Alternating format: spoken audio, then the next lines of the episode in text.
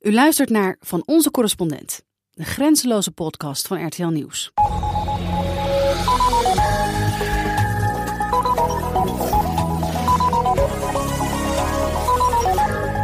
Welkom bij deze zesde aflevering van de podcast van de correspondenten van RTL Nieuws. Iedere twee weken praten we over de buitenlandse actualiteiten of over iets in onze standplaatsen dat het nieuws deze week juist niet heeft gehaald. Ik ben Stefan de Vries, ik ben correspondent in Parijs en van hieruit nemen we jullie mee naar onze correspondenten over de hele wereld. En deze keer gaan we naar Tel Aviv, Beijing, Rome, New York en Den Haag. Attention à la marche en descendant du train. Please mind the gap between the train and the platform. Bitte beachten Sie beim Aussteigen die Lücke zwischen Zug- und Bahnsteigkante. Je kunt er nog net geen kroketje trekken, maar het Hollandse patatje wordt steeds populairder in China. Dat vertelt Marije Vlaskamp. De salarissen van voetballers kwamen deze week negatief in het nieuws. We horen Erik Mauthaan in New York en Eveline Redmeijer in Rome over de beloningen van sporters in de Verenigde Staten en in Italië. En ook praten we met Jan Henop. Hij is correspondent in Den Haag van het persbureau AFP. Hij vertelt wat hem opviel deze week in het Nederlandse nieuws. Maar we gaan eerst naar. Tel Aviv.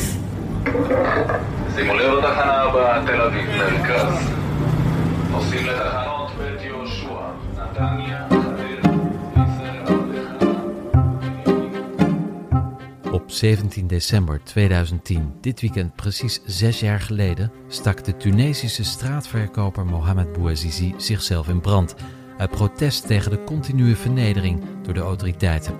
Het was het begin van wat we toen nog optimistisch de Arabische lente noemden. En van alle landen die in opstand kwamen is Syrië, of wat er van dat land nog over is, er het slechtst aan toe. We gaan naar Tel Aviv en praten met Olaf Koens over de impasse in Syrië en dan vooral over de machteloosheid die we deze week zagen in Aleppo. Olaf, de situatie lijkt hopeloos. Is, is dit het failliet van de internationale gemeenschap? Ik vind het zorgwekkend eigenlijk dat we blijkbaar in een tijd leven waarin uh, een dictator ergens ter wereld ermee wegkomt 400.000 van, van, zijn eigen mensen om het leven te brengen, uh, 100 miljoen vluchtelingen uh, de wereld in te drijven en nog gewoon op zijn plaats zit. Kijk, natuurlijk moet je een debat voeren over wat de rol is van het Westen in het Midden-Oosten. zeker die van de Amerikanen. misschien zou wat terughoudendheid daarin helemaal niet verkeerd zijn. Maar eigenlijk, ergens is het uh, heel moeilijk te verkroppen, denk ik, uh, voor een hoop mensen. Dat uh, ja, iets wat eigenlijk begonnen is als een protest, een simpel protest tegen een, tegen een dictator. En vergis je niet, ik kan me die beelden nog heel goed herinneren, dat die mensen de straat op gingen en dat de eerste tanks kwamen, dat ze daar met stenen naar gooiden, omdat ze niks anders hadden. Stenen. ja, dat is natuurlijk volledig uit de hand gelopen, maar 400.000 doden later. Uh, en die man die daarvoor verantwoordelijk is, die zit er nog steeds. Um, en dat is, uh, ja, dat vind ik wel. Uh, ergens is dat wel het falen, misschien is het dus van het Westen, maar in ieder geval wel van de vrije wereld. En wellicht ook het einde van de Verenigde Naties. Want ja, wat hebben die nog voorzien als ze zelfs zo'n slachting als in Aleppo ja, niet kunnen voorkomen? Ja, ja, de Verenigde Naties is natuurlijk een hele, hele vreemde organisatie geworden. Um, daar zie je de meest vreemde paradoxen in. Zo is het bijvoorbeeld zo dat de vrouw van Bashar al-Assad, de president, zijn vrouw Asma, uh, die krijgt miljoenen overgemaakt van de Verenigde Naties. Omdat zij een bepaald hulpprogramma runt voor uh, vluchtelingen en dergelijke. Uh, binnenlandse vluchtelingen dan. Ja, dat is... Uh, dat geld krijgt ze nog steeds? ja, dat krijgt ze. Tenminste, dat is een paar maanden geleden buiten gekomen dat ze dat kreeg. Ik ga ervan uit dat dat niet in één keer is opgedroogd. Want zo snel gaat het allemaal niet bij dat soort organisaties. Kijk, um, ja ik snap heel goed uh, uh, dat, dat Naties een rol heeft in bemiddeling, in, in, in onderzoek. Uh, laten we dat vooral ook niet uitvlakken. Maar ergens ja, misschien is het heel erg gênant. Het is heel erg gênant dat dat kan, anno 2016. Ben je in Aleppo geweest eigenlijk? Ja, ik ben in Aleppo geweest voor de oorlog, moet ik je zeggen. Ehm, ik wilde heel graag terug, maar zoals je begrijpt is dat zo makkelijk nog niet. Uh, ik ben er geweest voor de oorlog. Het is een fantastisch mooie stad. Ik heb daar in een, uh, in een hotel geslapen, wat misschien wel het mooiste hotel ter wereld is. Hotel Baron heet het. Uh, uit de jaren 20 komt het eigenlijk. Uh, Agatha Christie heeft er geslapen. Nasser, de oude president van Syrië. Een enorme schare aan illustere gasten. En dat hotel is sinds de jaren 20, 30 eigenlijk niet meer veranderd. Ik geloof dat er in de jaren 50 nog een, een paar nieuwe kranen zijn geïnstalleerd. En that's it. Ik was daar, nou, ik denk acht jaar geleden of zo. een fantastische plek. Ik sliep in een kamer. Daar hing een poster van de KLM, de Vliegende Hollander. En dan niet zo'n vintage poster die je ergens bij de Xenos koopt, maar de echte uit de tijd dat de KLM de Vliegende Hollander was. En naar Aleppo onder andere vloog, naar Syrië, naar Damascus, naar de Oriënt. Dus een fantastische plek. Ja, dat hotel uh, bestaat nog steeds. Uh, het is wonder boven wonder uh, ongehavend uit de strijd gekomen. Maar de oude Armeense eigenaar is dit jaar om het leven gekomen. zijn vrouw runt het nu. Er zitten allemaal vluchtelingen in. Ik vroeg me af, we zien deze dagen veel filmpjes op sociale media van mensen die vastzitten in Aleppo. Ze tweeten over hun laatste dagen. Hoe kan het dat in zo'n bijna verwoeste stad mensen toch nog steeds toegang hebben tot internet? Ja, het internet in Aleppo is, uh, is vaker onderdeel eh, geweest van debat.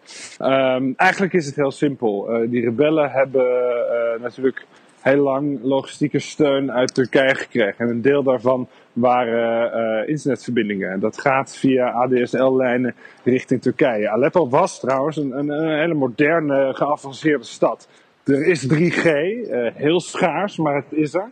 En ze hebben dus een, een, een, een uplink uh, met Turkije, waardoor er in de stad, vooral ja, onder dat soort social media types en zo, uh, die mensen die uh, inderdaad veel Twitter voorbij zijn gekomen, is er een distributie geweest van, van, van wifi. Um, dat zal inmiddels, is dat bijna afgelopen denk ik, maar zeker toen de boel omsingeld was en voor die rebellen was het natuurlijk ook heel belangrijk om die boodschap op een bepaalde manier naar buiten te krijgen. Dus ja, daar zijn internetverbindingen aangelegd. Dat is niet heel gek. Ik ben in oorlogsgebieden geweest waar uh, ja, het eerste wat men doet is de internetverbinding aanleggen. Nog voor water wordt aangelegd. Uh, eerst internet, dan de rest. Syrië is natuurlijk een buurland van Israël, maar ja, de Israëlische regering is oorverdovend stil. Nou, ik zou, het je, ik zou het je zo zeggen. Het is, het is oorverdovend stil. Vooral uit de rest van de Arabische wereld. Uh, ja, ook dat natuurlijk. Israël, Israël daar gelaten. Maar er was natuurlijk ooit iets als uh, Arabische, pan-Arabische solidariteit en dergelijke. Uh, de golfstaten, superrijk. Ja, die steunen die rebellen wat. Qatar heeft daar vrij veel aan bijgedragen. Uh, maar vluchtelingen opvangen, ho maar. Uh, ik vind de Arabische wereld vooral heel erg stil. Israël, ja, is natuurlijk ook stil. Um, er zijn een aantal, dat is wel uit te leggen. Uh, in de eerste plaats leeft er een beetje het idee van ja, zolang al die verschillende groepen in Syrië met elkaar bezig zijn, hebben wij er in ieder geval geen last van.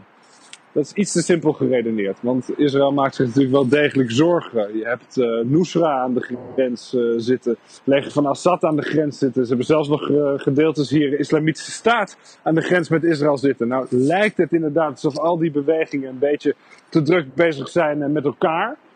Um, maar er gebeurt wel degelijk wat. Hè? Israël bombardeert regelmatig posities in uh, Syrië. Dat gaat dan voornamelijk om uh, uh, Hezbollah-convooi of wapenopslag en dergelijke. En dat is natuurlijk het grote gevaar hè, voor, voor Israël. niet zozeer Assad, niet zozeer IS of Nusra, maar vooral Hezbollah. Want wat je nu krijgt is dat Hezbollah een soort super getrainde vechtmachine is geworden.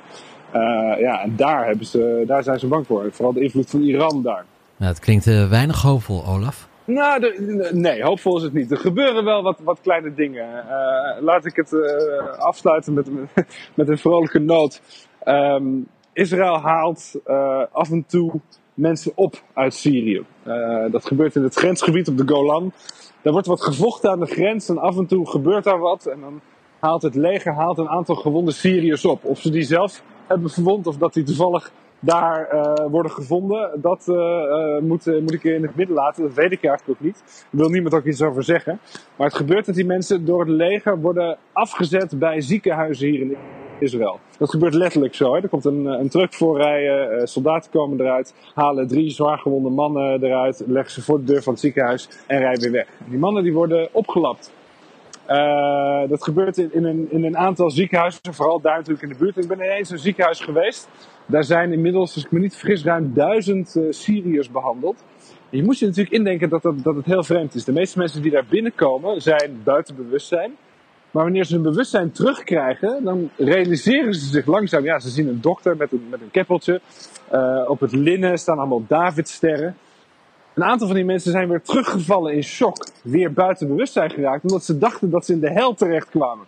Uh, en dus heeft dat ziekenhuis, in het plekje Zief, hebben een aantal uh, Palestijnse clowns ingehuurd. Die de goede slash slechte boodschap komen brengen wanneer deze mensen weer bewust worden, langzaam wakker worden, ontwaken na uh, een zware operatie. En dan zegt zo'n clown, letterlijk met een feestmuts op, een rode neus. Ik heb ze echt gezien, het is echt waar. Die zegt dan, ja, er is goed nieuws en slecht nieuws. Slecht nieuws is, je been is eraf. Het goede nieuws is, we hebben het kunnen redden. Eén ding, je bent niet waar je denkt dat je bent. Ja, die patiënten zijn dan wellicht niet in het gewenste land, maar ze zijn in ieder geval een stuk beter af dan de mensen die nu nog in Aleppo zitten. Dankjewel Olaf Koens, onze Midden-Oosten-correspondent in Tel Aviv. Dit is Van Onze Correspondent, de grenzeloze podcast van RTL Nieuws. In Van Onze Correspondent kijken we iedere aflevering of een actueel Hollands onderwerp ook in het buitenland speelt. En deze keer is dat voetbal. Verschillende Europese media, waaronder NSC Handelsblad, publiceerden de afgelopen weken de voetballeaks met onthullingen over topvoetballers. Zo bleek dat bijvoorbeeld PSV beloftes over salarisplafonds aan de laars lapte. Want in 2011 beloofde de Eindhovense voetbalclub spelers nooit meer dan een miljoen euro per jaar te betalen. Maar nu blijkt dat PSV dat toch regelmatig doet. Aan onze correspondenten de vraag: hoe staat het met de financiën van topsporters in hun land? We gaan naar Italië en de Verenigde Staten. Wordt daar ook moeilijk gedaan over salarissen van topsporters? We vragen het eerst aan Erik Mouthaan in New York. Erik, um, ja, liggen de beloningen voor sporters op hetzelfde niveau als in Europa? Of, of kun je nog rijker worden in de VS? Ja, maar hier was er ophef over het feit dat notabene een niet-Amerikaan de best verdienende sporter van het jaar was. Cristiano Ronaldo. krijgen we nou zeg. Dat hoort niet. Het horen Amerikanen te zijn. Ja. Maar gelukkig zeggen de Amerikanen, um, uh, de, de meest verdienende atleet ooit zou zijn Michael Jordan, die 1,7 miljard bij elkaar sprokkelde. Wow. En die basketballer is natuurlijk in de jaren 90 afgezwaaid. Uh, maar krijgt bijvoorbeeld nog elk jaar 100 miljoen van Nike voor die, uh, die schoenen, die sneakers die, hij, die zijn naam dragen en een merk rond hem. Dus wat dat betreft zeggen de Amerikanen, nou wij zijn er het beste in om er een goed verdienmodel van te maken. Ook als je eenmaal niet meer speelt. Dus in Amerika is het zo dat hoe meer je verdient als sporter, hoe meer aanzien je hebt. Ja, en nou goed, het heeft met elkaar te maken. Het zijn uh, iconische uh, sporters die dus ook mensen willen uh, Jordan schoenen kopen, omdat Michael Jordan ook een held voor ze is. Ik bedoel, het, het, is vanuit Amerikaanse ogen bijvoorbeeld vreemd hoe weinig kruif ja, schoenen en, en t-shirts en dat soort dingen er zijn. Dat zou in Amerika veel groter merk zijn. Ja, waar Amerikanen ook goed in zijn, is al op jonge leeftijd goede sporters aan zich te binden. Dat, dat doen bijvoorbeeld ook veel universiteiten?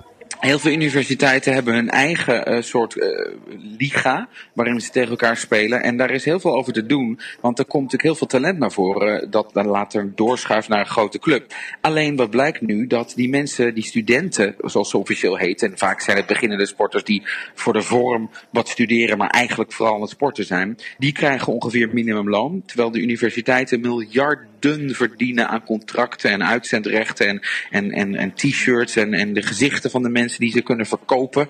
Uh, dus het is echt een, uh, een enorme business. En er is nu een uitspraak van de rechter die zegt van hé, hey, dit is niet meer oké. Okay. Deze mensen, die studenten, moeten beter gecompenseerd worden. Het verhaal van de universiteiten was altijd, nou ja, weet je, uiteindelijk kom je bij een goede club terecht. Dus het is ook goed voor jouw carrière.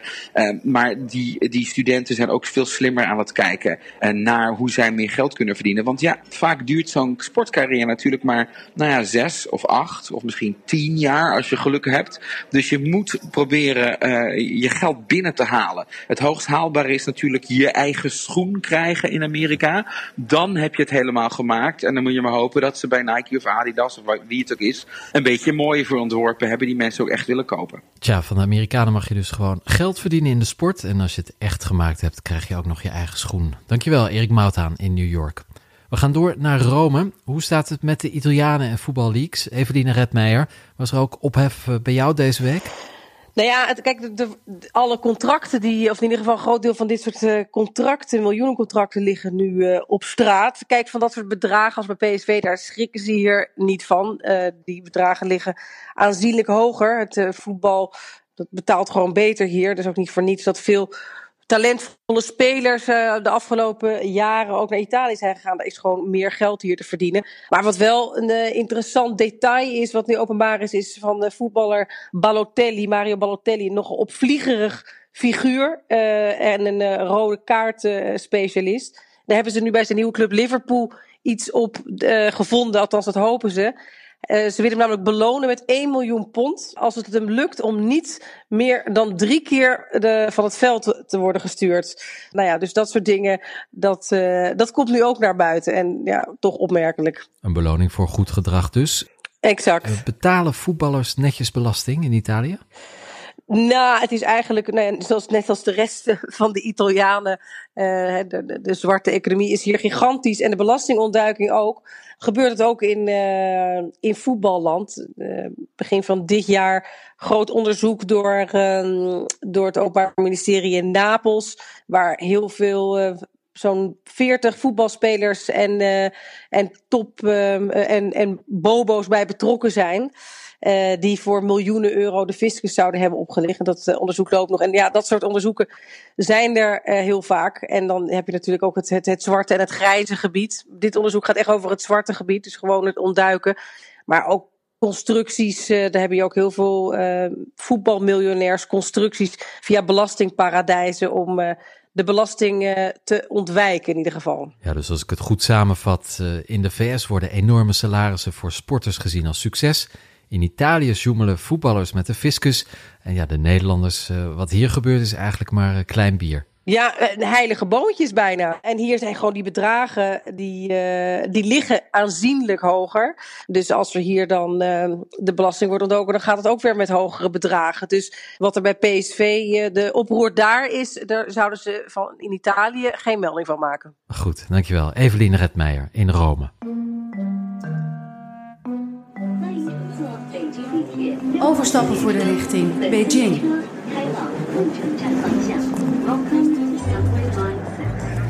In Beijing ontdekte onze correspondent Marije Vlaskamp een hele nieuwe culinaire trend. Een gerecht dat niet aan te slepen is. We hebben haar nu aan de lijn. Marije, waar krijgen de Chinezen geen genoeg van?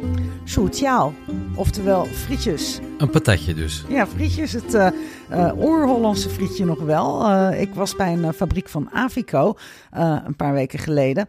En die snijden en snipperen zich hier helemaal gek met hun aardappels. 10 ton friet per uur komt er uit die fabriek. En nog schreven de klanten om meer. frietjes zijn de nieuwe snack in China. Dit is eigenlijk het laatste grote bolwerk wat nog frietvrij was, laat het zo zeggen. En voor de rest hebben ze ook nooit frietjes gezien, want die, die waren hier niet voordat wij eigenlijk kwamen.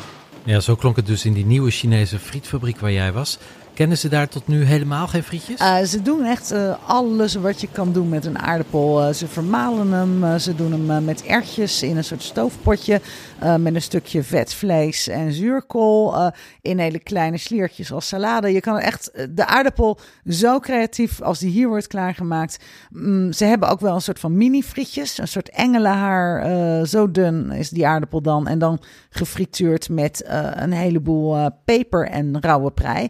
Maar maar een echt frietje zoals uh, wij het frietje kennen, uh, dat hadden ze hier nog niet. Ja, nu is het dus uh, this snack. Hoe eet ze dat dan? Ook met een kroket of een frikandel speciaal of een bami-hap?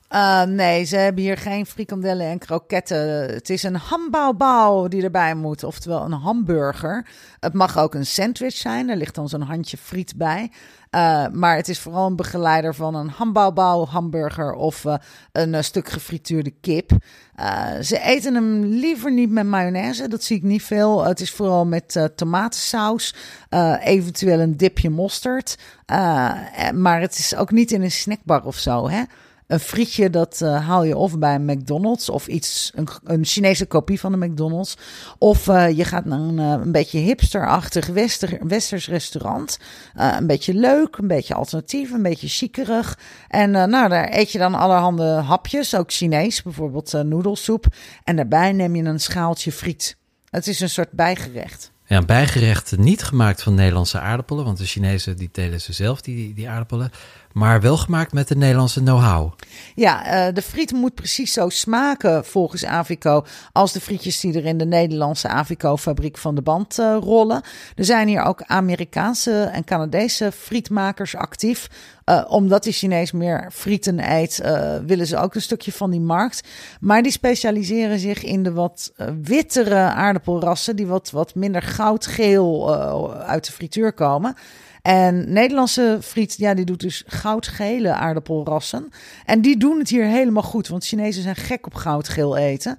En wit eten, ja, dat vinden ze allemaal wat minder. Hoe zeg je patatje oorlog in het Chinees? Een chanjang maar die bestaan niet. Uh, Oké, nou misschien moet jij dat gaan invoeren. Vinden ze smerig uh, om uh, al die, die rotzooi op een, op een frietje. Je zal ook nooit zien dat de saus al op het frietje ligt hier. De saus zit in een apart bakje ernaast en dan kan je dan ja, een beetje in dipperen. Het, het wordt best wel tuttig gegeten. Ik, ik, vind, ik vind zelf een frietje in Nederland, dat is een vet bek halen. Hè? Gewoon een beetje van die goed doorgefrituurd. Misschien een beetje van die slappe friet waar dan zo'n klodder ja, saus. Nou, hier niet. Hier zitten ijsjes met, met van die manicure vingertjes. Zo heel tutteflutterig met een vorkje. Een frietje erop te prikken. En dan zo in het in een sausje te duwen en dan knabbel de knabbel. Dat is niet een vette bek halen hier. Een frietje uh, is toch best nog wel een luxe snackje. Een luxe snackje. Dus uh, voorlopig geen uh, warme automatiek in de Chinese muur? Oh nee, uh, dan, je moet echt naar een, uh, een fastfoodrestaurant, wat ook uh, hier niet als armoedig wordt gezien, maar als echt naar een restaurant gaan. of je moet naar een, een hip westers café, een craft beer met kippenvleugels, met chicken wings en een bakje, niet een bakje, Nee, een mandje met friet. Dat een mandje friet. Nou, dat ja. klinkt heerlijk. Ik krijg er honger van. Dankjewel, Marije Vlaskamp in Beijing in China. De RTL-correspondenten brengen elke dag het nieuws vanuit het buitenland naar u. Maar er zijn natuurlijk ook tientallen buitenlandse correspondenten die in Nederland wonen en werken en die nieuws over ons naar hun land brengen.